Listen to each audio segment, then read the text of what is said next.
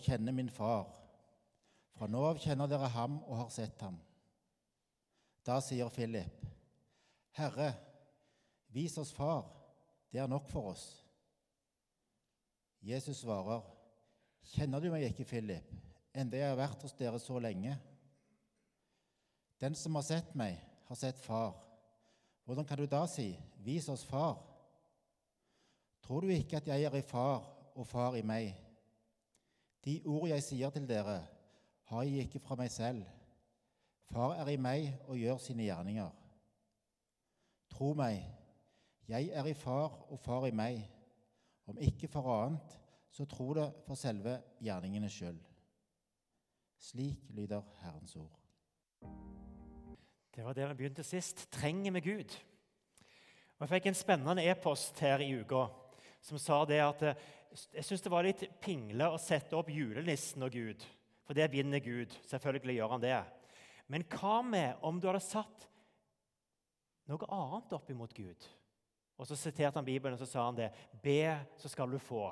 Let, så skal du finne. Bank på, så skal det lukkes opp for deg. Velkommen til Google. Og Så skriver han i e-posten det at eh, på mange måter er Google på høyde med Gud. Eh, jeg tenkte ofte at Google er bedre til å lete og finne enn hva Gud er. Og Dessuten er Google god til å oversette til språk og til å skape forståelse mellom mennesker. Og så kommer det en liten kommentar på slutten her. Men Gud danker imidlertid ut Google når det gjelder feilene vi gjør hver dag. Google sliter med å fjerne historien om feilene vi gjør, mens Gud lar oss starte med blanke ark hver dag. Jeg synes det var bare sånn fin i forhold til temaet sist gang på det der 'trenger med Gud'. Hvordan har dere hatt det i disse to ukene som har vært siden sist? Har det blitt noen samtaler og noen diskusjoner rundt omkring i, i nabolag og hjem? Eh, jeg har iallfall hatt noen, men La oss ta en liten repetisjon på disse her ulike gudsbildene vi var innom sist gang. Livvaktsgud, en gud som ikke lar vonde ting skje med gode mennesker. Automatgud, en gud som oppfyller våre bønner. Og Jeg hadde lyst til å legge litt til på den, for jeg tenker at egentlig en liten nyanse på den kunne også vært belønning og straffguden. For det er litt sånn, Hvis jeg setter det inn i banken, det gode jeg gjør, så forventer jeg å få noe tilbake. Hvis jeg ber til Gud sant, og på en måte plasserer på en måte ting i automaten, så bør jeg jo få noe tilbake igjen av det. Så det blir en sånn forhandlingsgreie. Automat, belønning, straff Gud. Eh, kanskje noe av det samme. Kjæreste Gud, en Gud som alltid kjennes nær. Skyldgud, en Gud som elsker deg, men det er på tross av hvem du er. Antivitenskapsgud, en Gud som ber deg velge mellom fornuft og tro og forklaringsguden, en gud som forklarer alt vi ikke kan forklare. Og her har dere alle seks. Og jeg gikk da rett i baret på fredag. For da får jeg en telefon fra ei hyggelig dame i baptistkirka som lurer på om jeg kan markedsføre et seminar på gudstjenesten i dag.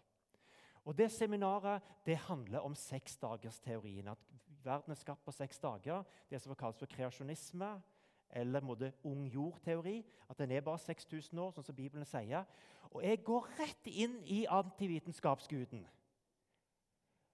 Og så begynner jeg jo å angripe denne dama i telefonen med å si at vet du hva, den guden tror jeg ikke på.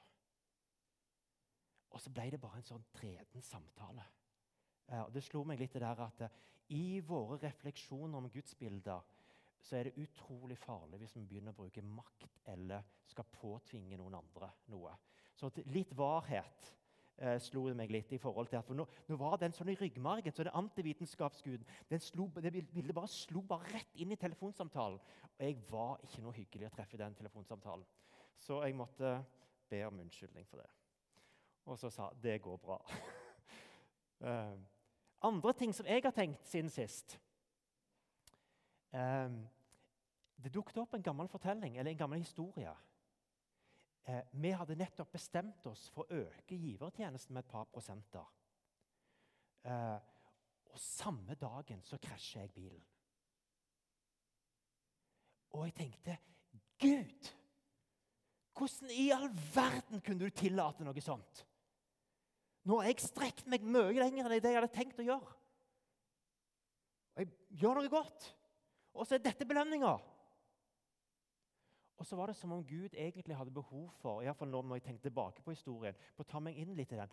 Er det sånn et gudsbilde jeg ønsker å ha? At Gud belønner ting, liksom, at jeg gjør ting for å få belønning? Eventuelt når jeg gjør galne ting, så må det fortjene jeg straff. Altså, Den automatguden belønningsstraff fikk en ny nyanse i akkurat det der.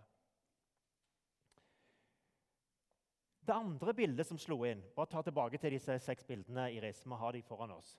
Det andre bildet som slo inn, eh, det var jo egentlig hvor dypt noen av disse bildene går. Altså Nå karikerer vi litt, men noen av dem går jo veldig dypt. Og jeg tenker jo at uh, i forhold til livvaktsgud så går jo det rett inn i min egen historie på å miste mor som tolvåring i kreft. Uh, og Jeg mista ikke bare mor, men vi måtte reise hjem fra Kamerun. Jeg mista hele kameratflokken min. Jeg mista hele miljøet. Alt var bare tap, tap, tap. Og så kom vi til Norge dette forferdelige landet Norge og skal på en måte finne oss til det rette på nytt. Og så dør mor på toppen av kreft noen måneder seinere. Hvor er Gud henne?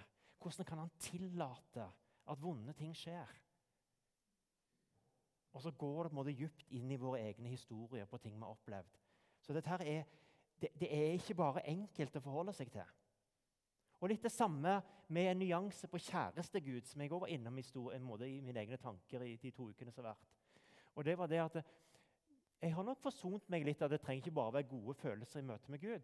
Men jeg husker veldig godt som tenåring den dagen en konflikt, en personalkonflikt i menigheten forsura fellesskapet på en sånn måte at mange av oss slutta i den menigheten fordi det ble for tøft å være sammen.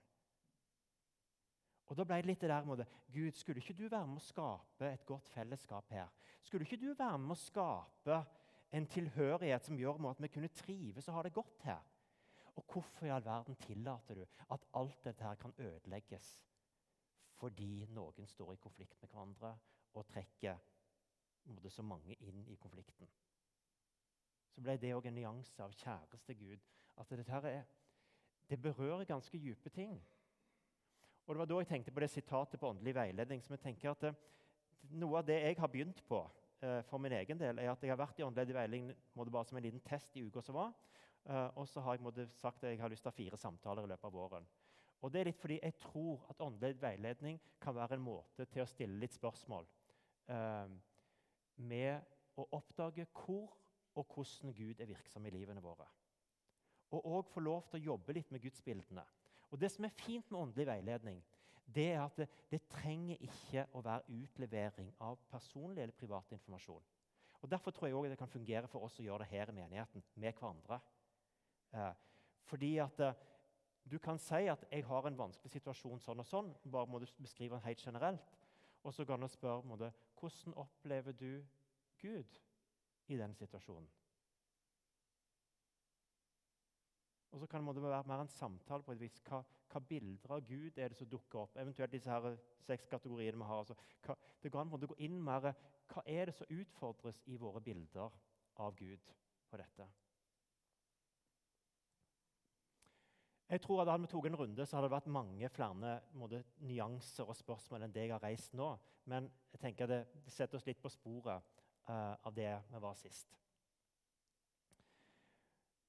Og ikke bare det, men så heiv jeg ut en ganske provoserende setning på slutten for to uker siden. Eh, og det var at eh, vi bygger ikke troa vår på Bibelen.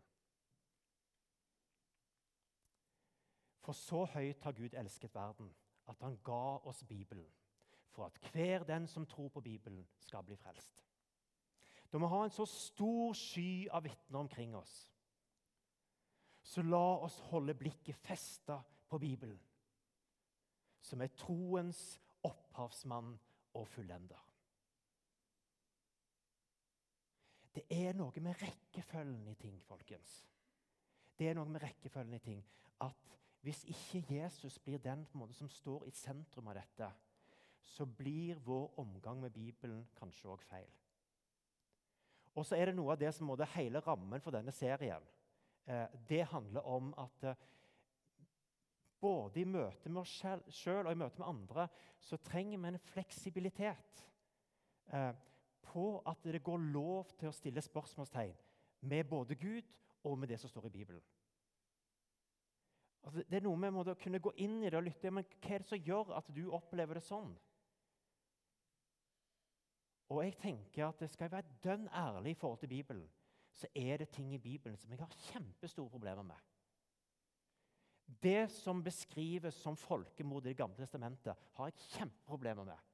Og jeg tenker at det er menneskets misbruk av Guds makt.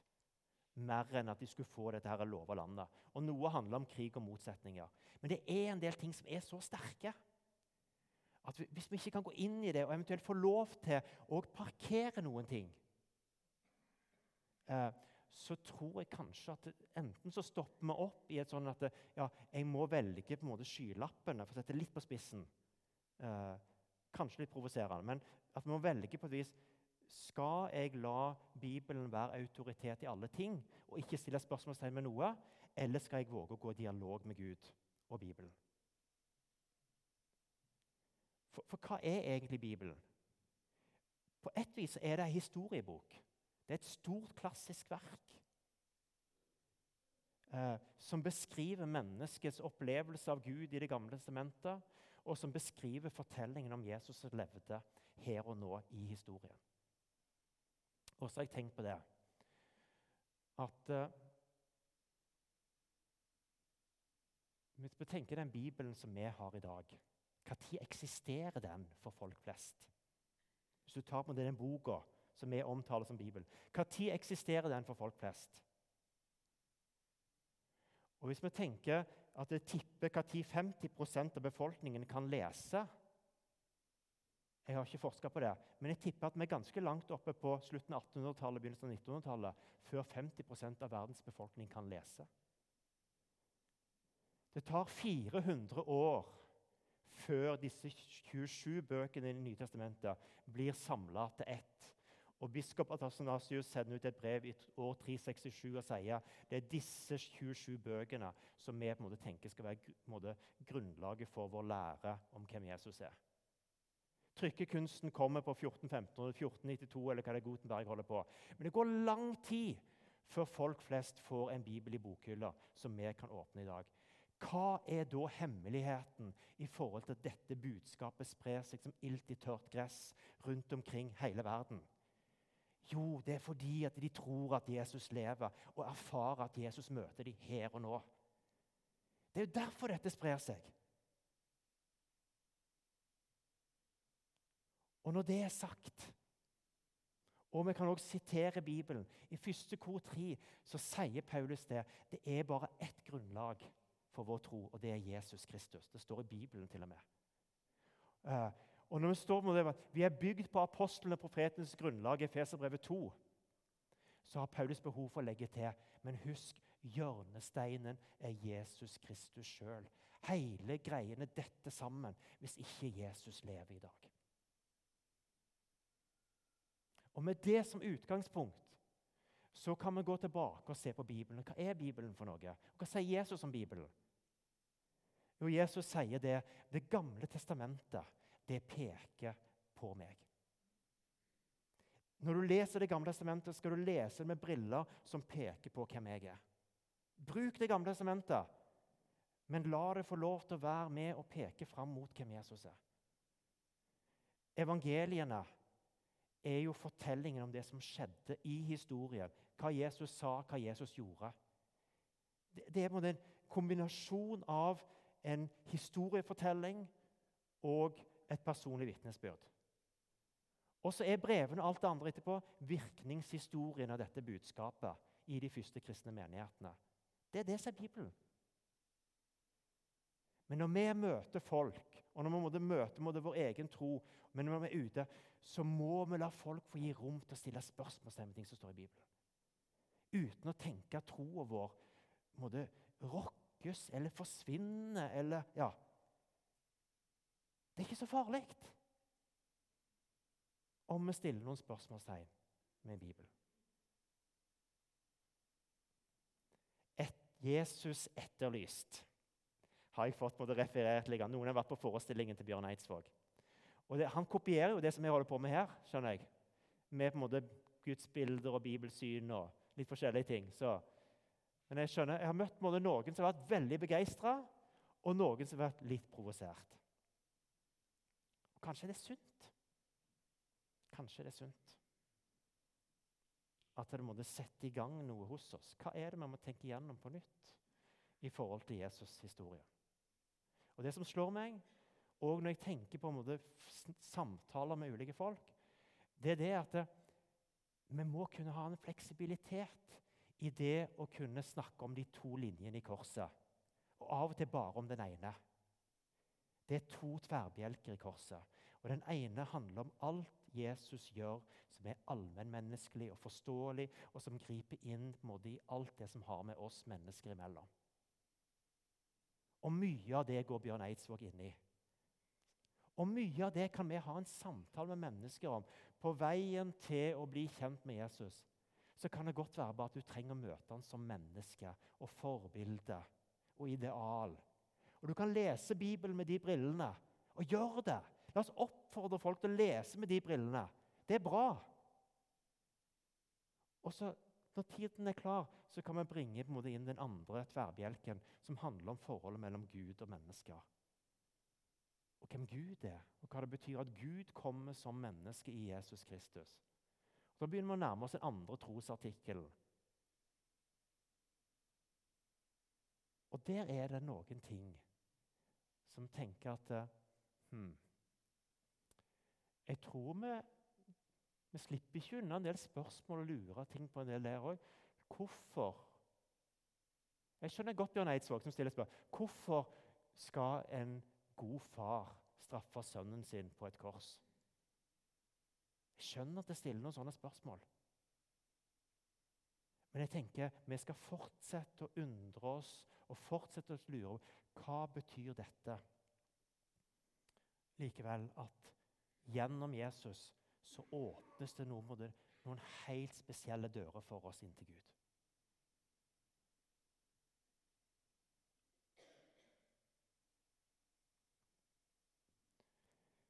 Da er vi til dagens tema. Det var innledningen. Er dere klare for mer? Hva sier Jesus om Gud? For jeg tenker litt at eh, Når vi har bygd ned alt dette her, Sant? Eller disse bildene av Gud som måtte, ja, vi kan ikke helt tro på det sånn. Hva sitter vi igjen med da? Når folk styrer deg mot deg, og du har hatt en god samtale om å, å måtte, ta Gud ned på jorda og få vekk alle disse vrangforestillingene. Ja, Hva mener du om Gud, da? Hvem er Gud? Og Philip han sier det. 'Vis oss Gud, så vi kan se hvem han er.' Og så sier Jesus, 'Se på meg'. Så jeg syns det er et spennende utgangspunkt for å begynne med å tenke på hvem Gud er. Hva sier Jesus om Gud? I Johannes 4 så sitter Jesus med brønnen sammen med den samaritanske kvinne. Og De diskuterer litt er det det tempelet eller det tempelet som er det beste. For jødene var opptatt av at Gud var til stede på konkrete steder. Og I den romerske verden så var det gudebilder. De første kristne ble kalt for ateister, gudløse, fordi de ikke hadde noen bilder av Gud. Og så sier Jesus følgende utsagn Gud er ånd. Gud er ånd. Og den eneste veien til å komme i kontakt med Gud, det er at du må undre deg på om det fins en åndelig virkelighet som er usynlig til stede midt iblant oss. Den er like virkelig som pusten, som lufta vi har rundt oss, som sola som står opp. Så fins en åndelig virkelighet som er usynlig midt iblant oss. Og Det andre som skjer når Jesus sier at Gud er ånd, det er at Guds nærvær flyttes på et vis fra bare disse møteplassene og templene og kirkebyggene til at Gud er til stede i alt. I hverdagen, der livene leves. Gud er ikke bare i noen spesielle rom, men han er overalt. Og Den åndelige virkeligheten er overalt. Og jeg tror sjøl en hardnakka ateist Eller ta Erik Damman, f.eks. 'Framtiden i våre hender'. Han sier av, av og til så må jeg undre meg på Kan alt fanges i evolusjon? Og det er greit med cellene som utvikler seg. Hvor kommer sjelen fra? Jo, ok, Det handler om samhandling mellom mennesker med sosiale vesninger. Men det er noe mer. Mennesket er ånd. Det er noe dybder i oss som, som, egentlig bare kan settes ord på med at det er ånd. Det er noe dypere der i oss mennesker som speiler noe av hvem Gud er. Gud er ånd. Og Så legger Jesus til at den som vil møte Gud, må tilbe Gud i ånd. Altså i dette usynlige virkelige som er nær, og i sannhet. Og Da er vi tilbake til Guds bilder og Bibelen. Og jeg har lyst til å ta med dette. Thomas Merton. Eh, det er en sånn merkelig munkeorden, så jeg husker aldri navnet på han egentlig. Han sier det. Hvis vi ikke kan snakke sant om oss sjøl, og det vi opplever, det vi føler, det vi lurer på, har vi ikke noe sted å snakke med Gud ifra. Det er når vi finner det stedet, at reisen begynner. Og Der er mitt spørsmål også til deg. Når du stiller spørsmålstegn med Bibelen, jeg stiller spørsmålstegn med Gud, snakker du med Gud om det? Våger du å ta det inn i en dialog med denne virkeligheten som er rundt oss, og si om så er Gud, om du fins, så lurer jeg på sånn og sånn. For det er i den dialogen der at Gud kan begynne å åpenbare ting for oss med hans virkelighet, som er midt imellom oss. Gud er ånd. Det er et av Jesus' svar på hvem er Gud. Gud er ånd. Og jeg tror Vi har et kjempepotensial i forhold til dialogen med hele Ålgård og med hele verden. Det er òg en åndelig lengsel, det er en forståelse at noe dypere. Vi kan være dialog med alle andre på denne veien på å bli bedre kjent med Gud. Men Jesus sier noe mer. Han sier det i dagens tekst at Gud er far. Gud er far. Ikke mann, ikke maskulin, men relasjon. Familie og slekt er det sterkeste bildet vi har på tilhørighet. Som er betingelsesløs, som er en gave, som er noe bare du hører til uansett i. Og det bildet velger Jesus å bruke når han skal lære oss å be og sier 'Vår Far i himmelen'. Og Det som er overraskende, folkens, og som var overraskende for meg, det var det at Gud som far brukes bare fire ganger i Det gamle testamentet. Det er ingen selvfølge at Jesus skulle velge det ordet. For det var ikke en hovedreferanse. Bare les gjennom salmene. Sant? Det er jo masse bønner. De henvender seg ikke til Gud som far. Men Noe av elementene ligger der. Men du har Gud som mor. Sant? Du har på noe relasjonelle der. Selvfølgelig har du det. Men akkurat der må at Jesus skulle velge å si Gud er far, det er ingen selvfølge. Men jeg tenker Jesus velger det veldig bevisst for å vise at vi hører til i en relasjon. Gud er far. Gud er en som er interessert i oss, som har omsorg for oss, og som ønsker å vise det på så mange ulike vis at han virkelig er der. Gud er far. Og så sitter Johannes. Johannes er jo den siste av de der store evangelistene. sant vel? Han sitter på øya Patmos. Romerske keiseren har gitt opp på å ta livet av de kristne, for han ser at det, måte, det skaper bare nye etterfølgere. De får for mye oppmerksomhet. Så jeg forviser Johannes til Patmos, får han ut av sinn og skinn og lar han måtte være på ei øy for seg sjøl, så han ikke kan skape mer trøbbel. Og Der sitter han og skriver. Og På slutten av livet så ser jeg for meg at Johannes sitter der som en gammel mann. Og så har han måtte skrevet Johannes evangeliet. Sant? for han måtte jo skrive ned dette. Det, det var ikke nok med Matteus, Markus og Lukas. De, de hadde ikke fått med seg alt. Sant? Derfor er det spennende med Johannes. for Han er den siste, han har lest alle de tre andre. Og så, det, det er ting som mangler her. Sant? Og det er Gud er ånd, og Gud er far. Det er to av de tingene. Og helt på slutten, helt på slutten så sitter han og skriver Johannes-brevene. Og så ser jeg for meg at han sitter der og lurer på Hvis jeg skal koke det ned til ett Gud er, hva ord skal jeg velge da? Hva ord skal jeg velge? Og så bruker han et helt kapittel på å si Gud er kjærlighet. Gud er kjærlighet. Skulle tro han levde i 2017 eller 2018. Skulle tro han levde i dag. For det er jo det måte, som er måte, det sterkeste ordet som jeg òg kan se for meg i forhold til hvem er Gud. Gud er kjærlighet. Og Så går jeg tilbake til Johannes evangelium og sier at det viktigste kjennetegnet på de som tror på Gud, er at de elsker hverandre. Hvorfor? Fordi Gud er kjærlighet, og at det er det måte, som gjenspeiler best hvem Gud er. Og da er vi ikke bare kjæreste Gud, folkens. Da er vi mot den kjærligheten som òg tåler, som òg bærer, som våger å omfavne det som ikke er elskelig, som våger å omfavne mørket i oss. For dette er en kjærlighet som er Guds vesen, og som jeg tenker også ligger dypt inni oss. Gud er ånd, Gud er far, Gud er kjærlighet. La det være starten på det å forsøke på nytt igjen å tegne et bilde av Gud for 2018. Og så er det utfordringen til neste gang. For når vi bruker disse store ordene, hva da med alt det vonde i verden? Hva da med urettferdigheten?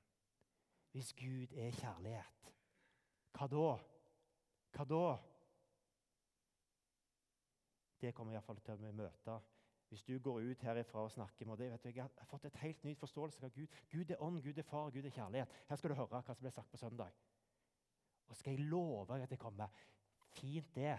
Ja, men Men Og jeg lurer meg på Jeg lurer meg på om dere vil få en overraskelse om to uker. Det har iallfall vært en liten overraskelse for min del. Og her er gåten til neste gang. Finnes det skygge uten sol? Det er gåten. Finnes det skygge uten sol? Tenk litt på det. Så skal vi ta opp tråden gjennom to uker. Men nå skal dere få alle sangene. Eh, Sigvard Dasan har skrevet en fantastisk sang som nettopp handler om disse bildene av Gud, og hvor han måte, i sin vandring Sigvard har gått masse runder med Gud. Men i sin vandring måte, så kommer han stadig tilbake igjen til dette med at eh, Gud tåler mine spørsmål, Gud tåler min samtale. Og så aner jeg etter hvert som jeg våger å nærme meg Gud, at det er noen dype spor som likevel er der.